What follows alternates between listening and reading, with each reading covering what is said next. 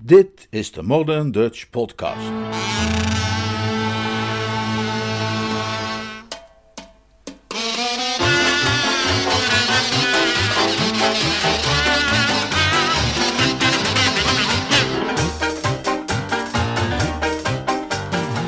Geluk in de morgen. Een splinternieuwe vertaling van Joy in the Morning. Een Jeeves-roman van P.G. Woodhouse. Vertaald en voorgelezen door Leonard Beuger.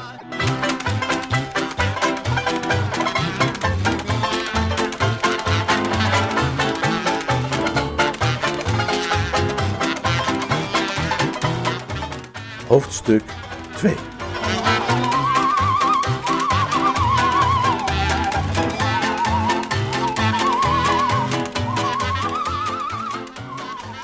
Als we de lijst langs lopen van vrouwspersonen met wie ik in de loop der jaren bijna was getrouwd, dan komen we daar de namen tegen van een paar taaie rakkers. Ons oog valt dan bijvoorbeeld op die van Honoria Glossop en een huivering doorloopt ons gestel. Niet minder is dat het geval wanneer wij ons wenden tot de B's en daar Madeline Bassett tegenkomen. Alles in beschouwing nemend echter en dit en dat afwegend, ben ik altijd geneigd geweest om Florence Gray te beschouwen als de absolute top. De concurrentie is aanzienlijk, ik geef het toe, maar aan haar zou ik dan toch echt de vetleren medaille willen toekennen. Honoria Glossop was heftig, dat klopt. Haar lach deed sterk denken aan een stoomhamer, en van kinds af aan was ze geneigd de medemens tussen de schouders op de rug te slaan, en Madeline Bassett was een zemelaar, zonder meer. Ze had grote smeltende ogen en dacht dat de sterren Gods madelievekransje waren. Dat zijn ernstige gebreken, maar om dit weerzinwekkende duo recht te doen, geen van beiden had geprobeerd me te vormen. En dat was wat Florence Gray vanaf het begin juist wel had gedaan, waarbij ze Bertram Wooster leek te beschouwen als niet meer dan een stuk boetseerklei in de handen van een beeldhouwer. De oorzaak van het probleem was dat ze een van die intellectuele meisjes was, tot aan de rand vervuld van serieuze bedoelingen, die geen arme ziel van het mannelijk geslacht kunnen zien zonder er meteen aan te willen gaan knutselen en verbouwen. We waren nauwelijks in de allereerste fases of ze begon zich te bemoeien met mijn lectuur. Bloed aan de reling, een werkje dat ik toevallig op dat moment aan het bestuderen was, ging de prullenbak in en werd vervangen door iets dat typen van ethische doctrines heette. Daarbij probeerde ze geenszins te verbergen dat dit nog maar een voorproefje was en dat er nog erger aan zat te komen. Heeft u zich ooit verdiept in typen van ethische doctrines? Dat boek staat nog steeds in mijn boekenkast. Laten we het dus openslaan en zien wat het te bieden heeft. Kijk, hier heb ik het. Van de beide dialectische begrippen in de Griekse wijsbegeerte was er slechts één reëel en subsistent. En dat was het reële denken in zijn positie tegenover hetgeen het heeft te doordringen en om te vormen. De andere term, die overeenkomt met ons begrip natuur, was een intrinsiek fenomeen, irreëel, zonder permanente fundering en zonder predicaten die langer dan een ogenblik stand hielden. Kortom, uitsluitend bewaard voor negatie door het assimileren van realiteiten die zich opdoen en zich daarin vestigen. nou, juist. U snapt wat ik bedoel. En u zult denk ik dus ook begrijpen waarom bij haar aanblik mijn knieën nogal begonnen te knikken. Oude wonden werden opengereten. Van de gêne die de woesterse tenen deed opkrullen in hun keurige suède schoenen als de ranken van Shelley's gevoelige plant, leek deze brok van het doodgewaande verleden niets te bespeuren. Haar manier van doen was, als altijd, energiek en tanteachtig. Zelfs in die periode dat ik betoverd was geraakt door haar profiel, wat een indrukwekkend profiel was, met het vermogen een man te verleiden tot uitspraken waar hij later spijt van kreeg, had ik altijd al het gevoel gehad dat ze op iemand leek die in training was voor tante. Zo, hoe gaat het met jou, Bertie? Oh, uh, uh, prima, dank je. Ik ben alleen even in Londen voor een gesprekje met mijn uitgever. En dan kom ik precies jou tegen, in een, en in een boekwinkel nog wel. Wat heb je gekocht? Het een of ander prul, neem ik aan. Haar blik, die nogal kritisch en kieskeurig op mij gerust had, alsof ze zich afvroeg hoe ze ooit had kunnen bedenken haar lot te willen verbinden aan zoiets subhumaans, gleed nu in de richting van het boek in mijn hand. Ze nam het van me over, waarbij haar lippen zich krulden in vage walging, alsof ze wenste dat ze een tang bij de hand had. Maar toen ze er echt naar keek, veranderde plotseling haar hele aanblik. De krullende lip schakelde ze uit, ze ontplooide een tevreden glimlach. Haar blik werd milder, een blos gleed over haar gelaat. En ze giechelde. Ik kan het niet anders zeggen. Oh, Bertie! De strekking van die uitroep ging aan me voorbij. Oh, Bertie was iets dat ze in de dagen dat we verloofd waren ook vaak tegen me had gezegd, maar altijd op een soort akelige toon waarvan je het gevoel kreeg dat ze op het punt had gestaan haar ergernis in een veel sappiger formulering te uiten, maar zich net op tijd haar voorname afkomst te binnen had gebracht. Dit huidige Oh Bertie klonk heel anders. Vrijwel als gekoer. Zo'n beetje als de ene tortelduif een andere tortelduif zou kunnen aanspreken. Oh, Bertie, herhaalde ze. Och, maar natuurlijk moet ik dat voor jou signeren, zei ze. En op hetzelfde moment werd me ineens alles duidelijk. Het was me in eerste instantie ontgaan, omdat ik me op het meisje met het groene gezicht had geconcentreerd. Maar nu ontwaarde ik onderaan het omslag de mededeling door Florence Cray. Die woorden waren half verborgen door een sticker met de tekst Keuze van de maand van de Nationale Boekenclub. Het was me opeens helemaal helder. En de gedachte eraan hoe weinig het gescheeld had of ik was met een romanschrijfster getrouwd geweest, maakte alles even volkomen zwart voor mijn ogen. Ze schreef met vaste hand iets voor in het boek, waarmee ze meteen de mogelijkheid uitsloot dat de winkel het terug zou nemen en ze mij dus zeven pop en een dubbeltje op achterstand zette, bijna zoals je toch haast zou kunnen zeggen, nog voordat de dag begonnen was. Daarna zei ze, nou, met nog steeds dat turtelduiftembre in haar stem. Nee, maar zeg dat jij spindraad koopt. Een mens moet natuurlijk beleefd blijven, maar het kan zijn dat ik in de opwinding van het moment een beetje heb overdreven. Ik vrees dat ik, toen ik haar verzekerde dat ik dat gruwelijke boek maar al te graag wilde bemachtigen, misschien de indruk heb gewekt dat ik werkelijk die minuten had afgeteld tot ik het in mijn vingers kon krijgen. Hoe dan ook reageerde ze met een dankbare glimlach. Kan je niet zeggen hoe blij ik daarmee ben? Niet alleen omdat het een boek van mij is, maar vooral omdat ik zie dat alle moeite die ik heb gedaan om jouw intellect te helpen vormen, niet voor niets is geweest. Jij bent van goede literatuur gaan houden. Het was juist op dat moment dat de mottige grijsaard, precies alsof hij geroepen was, weer terugkwam en zei dat ze de oude heer Spinoza niet op voorraad hadden, maar dat ze hem wel voor me konden bestellen. Hij keek er nogal mistroostig bij, maar Florence ogen lichten op alsof iemand een schakelaar had omgedraaid. Bertie, maar dat is geweldig. Lees jij echt Spinoza? Het is buitengewoon hoe snel een mens toegeeft aan de fatale verleiding een beetje op te kunnen scheppen. Ook de besten onder ons bezwijken hiervoor. Ik bedoel, niets zou eenvoudiger zijn geweest dan te antwoorden dat ze het bij het verkeerde eind had en dat die gezaghebbend geannoteerde uitgave een cadeau was voor Jeeves. Maar in plaats van de eenvoudige mannelijke rechte weg te kiezen, moest ik me weer zo nodig eens uitsloven. Oh, nou of, zei ik, met een intellectueel zwiepertje van de paraplu. In mijn vrije ogenblikken kan je me meestal in een hoekje vinden met de nieuwste Spinoza. Nou ja, zeg. Een eenvoudige uitdrukking, maar terwijl ze die uitsprak, ging er een huivering door me heen, van de gebrillanteerde kuif tot diep in de rubberen schoenzool. Het was de blik die haar uitroep vergezelde, die deze huivering veroorzaakte. Het was precies dezelfde soort blik die Madeline Bassett me had gegeven die keer dat ik naar Totley Towers was gegaan om de zilveren roomkoe van pa Bassett achterover te drukken en zij dacht dat ik was gekomen omdat ik zo dol op haar was dat ik niet bij haar weg kon blijven. Haar griezelig, tedere, smeltende blik ging dwars door me heen als een gloeiend hete priem of els door een kluitje boter en vervulde me met een nameloze angst. Ik wilde nu wel dat ik Spinoza niet zo hartelijk had toegejuicht. En bovenal wenste ik dat ik niet was betrapt op het schijnbaar kopen van dat vervloekte spindraad. Ik begreep dat ik mezelf onbewust een geweldige krans had omgehangen, waardoor dit meisje Bertram Woester met nieuwe ogen zag en dodelijk nieuwsgierig was geworden naar zijn verborgen diepten. Het zou heel goed kunnen zijn dat ze de situatie zou willen herzien in het licht van dit nieuwe bewijs en tot de conclusie zou komen een fout te hebben gemaakt door haar verloving met zo'n bijzondere persoonlijkheid te verbreken. En als ze eenmaal in die richting begon te denken, wie wist wat daarvan de oogst zou kunnen zijn? Er kwam een overweldigende drang in mij op om elders te zijn, voordat ik me nog verder in de nesten zou werken. Uh, tja, ik, ik, ik ben bang dat ik er uh, vandoor moet, ik. Wel belangrijke afspraak.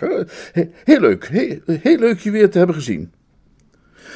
We zouden elkaar vaker moeten zien, antwoordde ze nog steeds met die smeltende blik. We zouden eens wat langer gesprekken moeten voeren. Oh, ja, tuurlijk. Het is zo fascinerend te zien hoe de geest van een mens zich ontwikkelt. Waarom kom je nooit naar de hall? Ach, men raakt gauw een beetje verknocht aan de grote stad, weet je wel. Ik zou je graag de recensies van Spinratens willen laten zien. Die zijn geweldig. Edwin is ze voor me in een album aan het plakken. Nou, ik zou ze heel graag wel eens willen zien hoor. Uh, later een keertje misschien. Tot ziens. Oh, Bertie, je vergeet je boek. Oh ja, bedankt. Nou, uh, toedeloe, zei ik en vocht me een weg naar buiten. De afspraak waar ik op gezinspeeld had, was met de barman van de Bollinger. Zelf of nooit had ik zo'n grote behoefte gehad aan een opkikker. Ik spoedde me naar mijn bestemming, gelijk het heigend hert der jacht ontkomen naar het genot der frisse waterstromen, en was al gauw in overleg met die verstrekker van levensreddende middelen. Tien minuten later voelde ik me aanzienlijk beter, hoewel nog steeds geschokt, en stond ik in de deuropening wat met mijn paraplu te goochelen. Ik vroeg me af wat ik nu eens zou gaan doen, toen mijn oog werd getroffen door een vreemd schouwspel. Een eigenaardig verschijnsel was begonnen zich te manifesteren aan de overkant van de straat.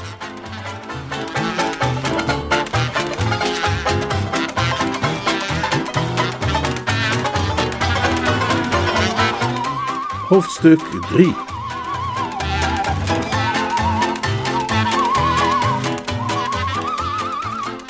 De Bollinger Bar bedrijft zijn heilzame activiteiten ongeveer halverwege Bond Street. En recht daartegenover, aan de overkant van de straat, is een bekende en altijd vriendelijke juwelier gevestigd, waar ook ik over het algemeen mijn aankopen doe wanneer zich de noodzaak voordoet tot het investeren in bijouterieën. En aangezien het zulk mooi weer was, overwoog ik op dat moment zelfs om daar eens naar binnen te gaan om een nieuwe sigarettenkoker aan te schaffen. Een vreemd spektakel speelde zich af voor de deur van de betreffende juwelier. Op de drempel van die zilverwinkel drentelde een kerel op verdachte wijze heen en weer.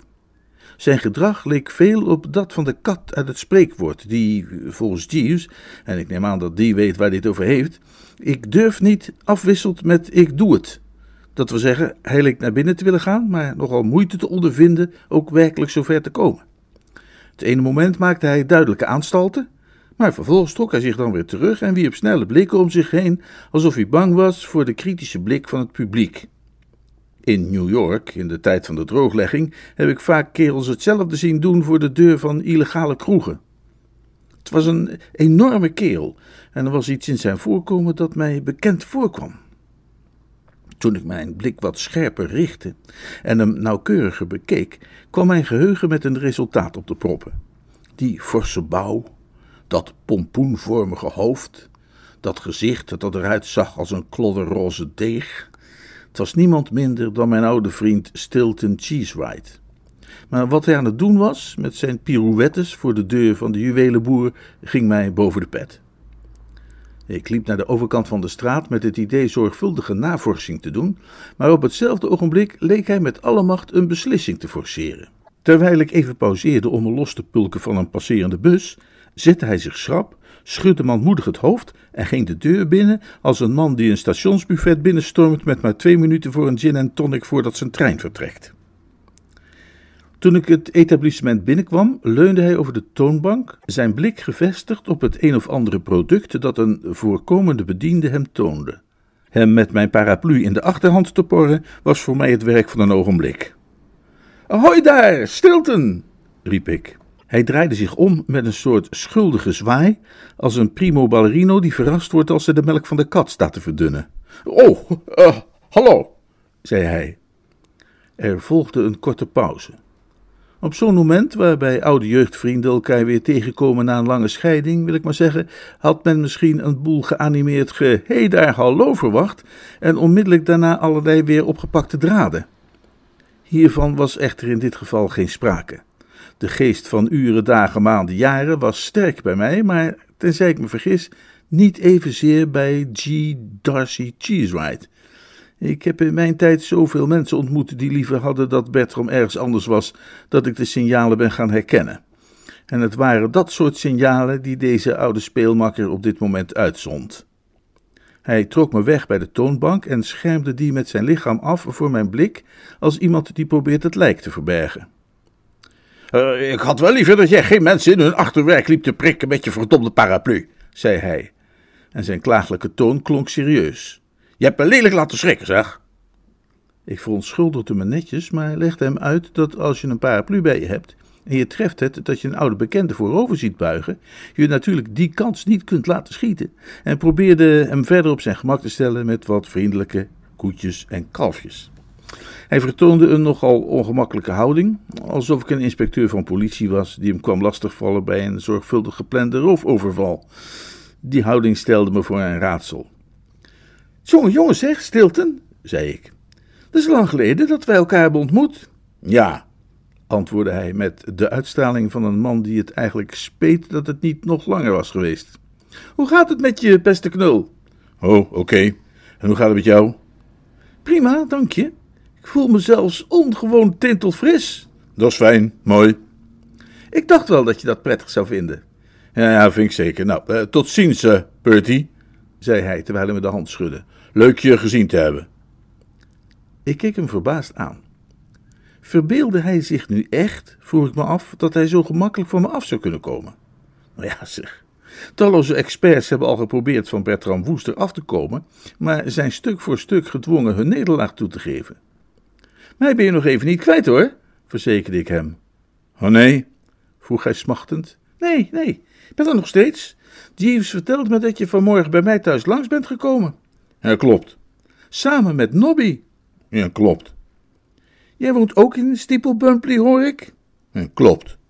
Het is een kleine wereld. Nou, niet zo heel erg. Nou, Jeeves denkt van wel. Nou, vrij klein dan misschien, beaamde hij bij wijze van concessie. Weet je zeker dat ik je niet ophoud, Bertie?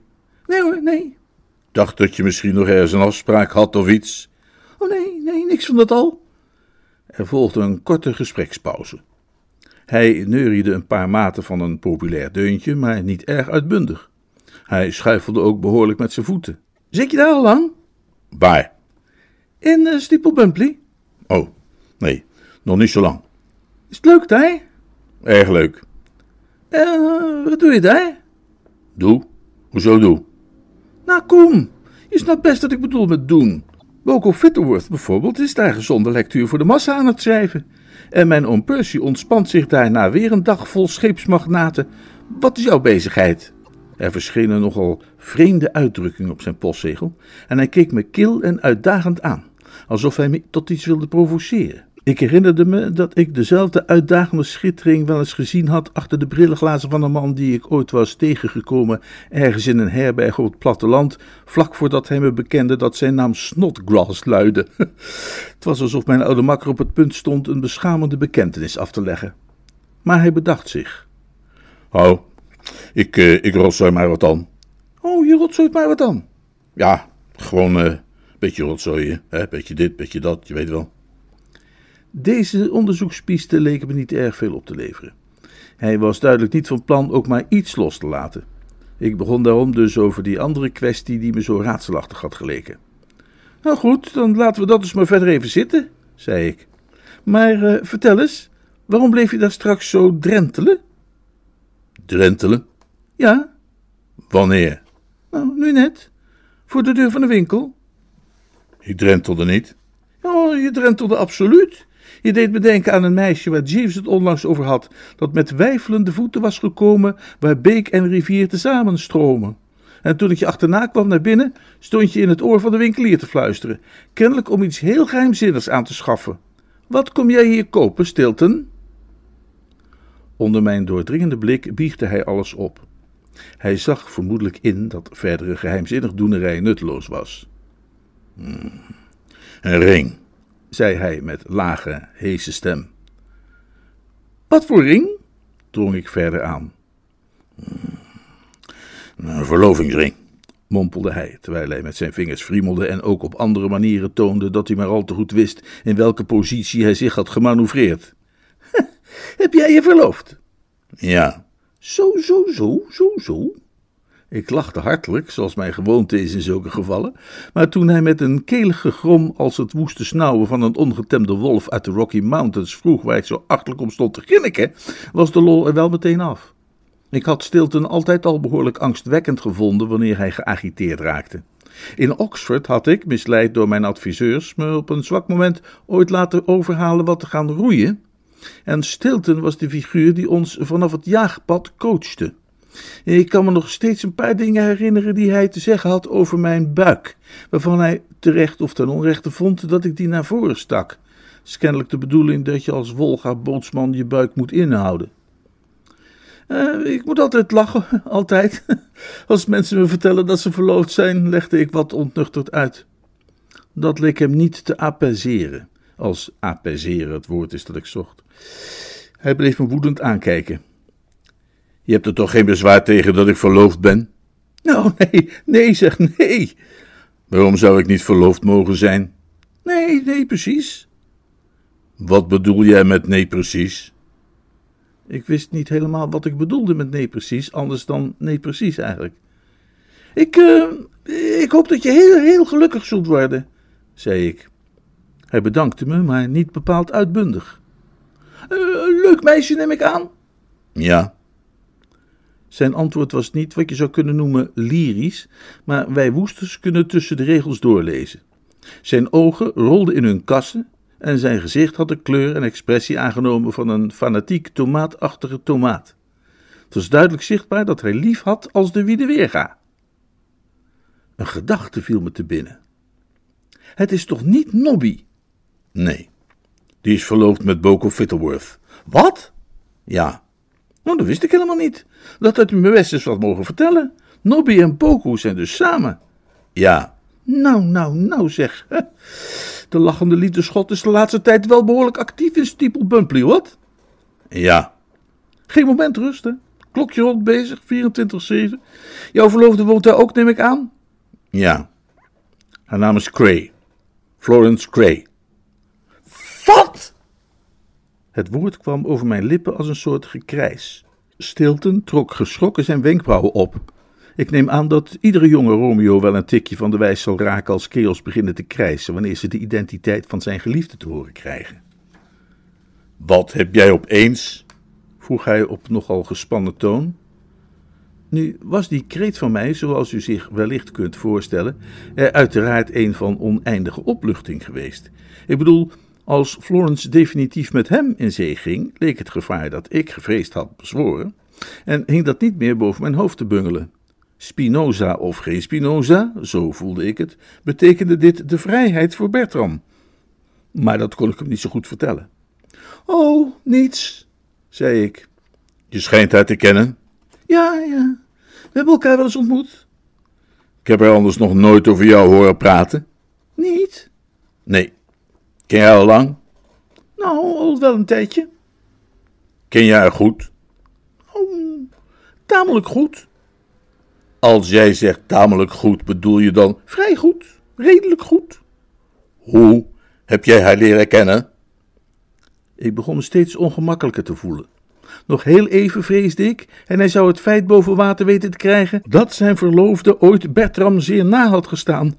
Een aanzienlijk stuk nader zelfs, zoals we hebben gezien, dan Bertram had gewild. En geen recent verloofde knabo vindt het leuk om te ontdekken dat hij niet de eerste keus was van zijn schatje. Dat ontneemt er als het ware de fleur aan.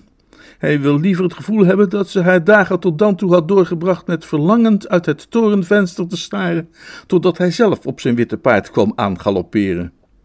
Ik besloot dus wat te temporiseren. Ik geloof tenminste dat het woord temporiseren is. Ik, ik zou het even moeten navragen bij Jeeves. Die afgrijzelijke vader van haar is getrouwd met mijn verschrikkelijke tante. Is Lady Wolpersdon jouw tante? Nou en of. Kende je haar daarvoor niet? Uh, jawel, ja, uh, een beetje. Juist. Hij wierp me nog steeds van die onderzoekende blikken toe, als iemand van de geheime dienst die een voorlopig nog gemoedelijk gesprek voert met een verdachte. En ik schaam me niet te bekennen dat ik een menige druppel transpiratie van mijn voorhoofd heb gewist met de haak van mijn paraplu. Dat ongemakkelijke gevoel waar ik het over had, was nog steeds aan de orde. Sterker zelfs dan ooit. Ik zag nu in wat mij eerder was ontgaan, namelijk dat ik door aan Stilton te denken als een jonge Romeo een verkeerde diagnose had gesteld. De figuur wiens naam mij te binnen had moeten schieten was Othello. Vriend Cheesewright bleek immers duidelijk te behoren tot die klasse van gevoelige minnaars die met wantrouwige blik en bloeddoorlopen ogen rondlopen, maar al te bereid lieden kreupel te slaan of anderszins te verminken, van wie ze vermoeden dat die wat al te hartelijk omgaan of hebben omgegaan met de door hen aanbeden vrouwen. Er zou, kortom, maar de geringste aanduiding nodig zijn van de feiten met betrekking tot Florence en mij om de holbewoner in hem te ontketenen. Nou, als, als ik zeg uh, een beetje, haast ik me eraan toe te voegen, dan bedoel ik natuurlijk dat we gewoon alleen maar kennissen waren. Alleen maar kennissen, hè? Nee, niet, niet meer dan dat. Je hebt haar toevallig een paar keer ontmoet. Eh, precies. Dat, dat, dat, dat, dat is het in een, in een, in een notendop. Ah, hm. Nee, de reden waarom ik het vraag is dat het mij leek dat toen ik jou over onze verloving vertelde, jouw manier van doen nogal merkwaardig was. Oh, is hij altijd zo vlak voor de lunch, mijn uh, manier van doen? je schoot overeind. Ja, last van kramp. En je uitte een kreet, alsof wat ik zei een onaangename schok voor je was. Wel, nee.